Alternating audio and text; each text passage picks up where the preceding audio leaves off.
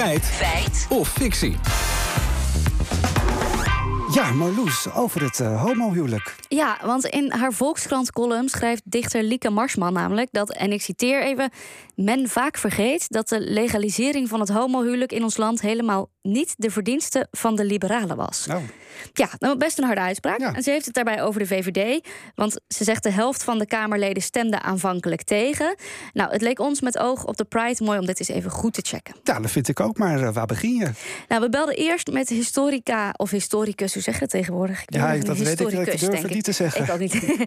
Judith Schuif. Zij is uh, LHBTI plus voorvechter van het eerste uur en vertelt iets over het woord homohuwelijk. Dus om te beginnen, denk ik, is het verkeerd om van het homohuwelijk te spreken. Er was natuurlijk helemaal geen homohuwelijk. Wat er gebeurd is, is dat het gewone burgerlijke huwelijk voor iedereen, ook voor paren van gelijk geslacht, is opengesteld.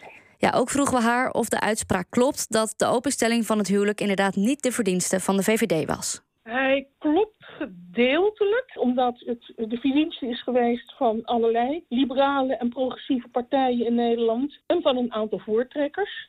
Ja, ik hoor daar toch liberale partijen ook zeggen. Maar welke partijen werkten er dan ook alweer samen aan dit initiatief? Ja, dat vroegen we aan Boris Dietrich. Hij was destijds namens D66 een van de Kamerleden die een lange campagne voerde voor de openstelling van het huwelijk. De openstelling van het huwelijk is een eh, project geweest van D66 in samenwerking met de VVD en de Partij van de Arbeid. Er waren dus drie partijen. En de regering Paars heeft dat voorgesteld. En zo is het een wet geworden.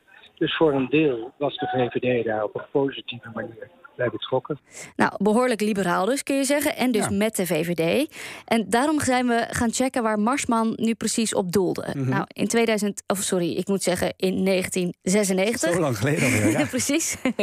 Toen werd er voor het eerst gestemd over een motie van de PvdA en D66... over de openstelling van het huwelijk voor mensen met hetzelfde geslacht.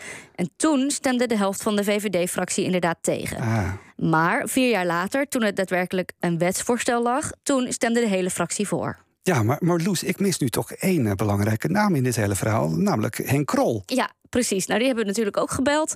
Als een van de oprichters van de Gaykrant voerde hij toen heel lang campagne ook voor de openstelling van het huwelijk. En we vroegen hem wiens verdienste het is dat het huwelijk nu echt open is. Het is altijd heel moeilijk om op je eigen borst te kloppen. Maar als de Gaykrant daar niet 25 jaar voor geknokt heeft... en zelfs geknokt tot aan het faillissement van de kerkrand, dan ben ik bang dat het er nog lang niet was geweest. En nu waren we het eerste land ter wereld.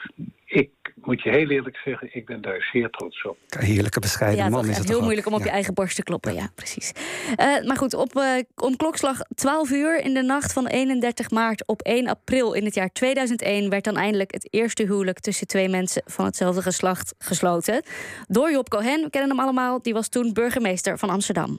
Dat u na ondertekening van de akte door het huwelijk aan elkander bent verbonden. Ja, Cohen is daar nog steeds heel trots op, zegt hij. Het was natuurlijk fantastisch om dat te doen. En er is helemaal niemand die dat ooit van mij af kan nemen. Er is maar één persoon op de hele wereld die kan zeggen dat hij het allereerste homohuwelijk ter wereld heeft gesloten. En dat ben ik.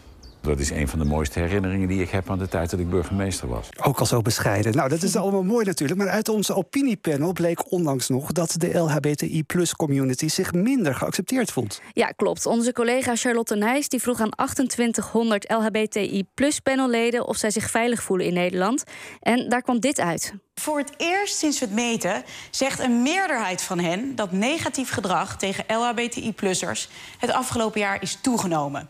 En dat ze zich dus steeds minder veilig voelen. Vorig jaar zeiden nog 4 op de 10 negatief gedrag te ervaren. Dat is nu dus meer dan de helft. Ja, ik vroeg Henk Krol hoe hij denkt dat dat komt. Dat heeft te maken met het feit dat de meeste ouders op dit moment zijn opgegroeid in een periode dat het uh, aanvankelijk een taboe was en ze hebben het volkomen geaccepteerd. Maar heel vaak vergeten ouders om die tolerantie door te geven aan hun kinderen. Dat is heel belangrijk. We moeten het doorgeven aan komende generaties. En ook aan mensen die uit andere culturen naar Nederland toekomen. En net als wij 30 jaar geleden daar nog niet aan gewend zijn. En die moeten we een klein beetje helpen. Oké, Marloes, is de openstelling van het huwelijk, zoals Marsman het schrijft, inderdaad geen verdienste van de liberalen? Is dat feit of fictie? Nou, het is duidelijk fictie. De legalisering is een verdienste van meerdere partijen, instanties en personen. Ook een verdienste van de VVD, waar zij op doelt. Dus je kan niet zeggen dat de openstelling van het huwelijk helemaal geen verdienste van de liberalen is. Dankjewel.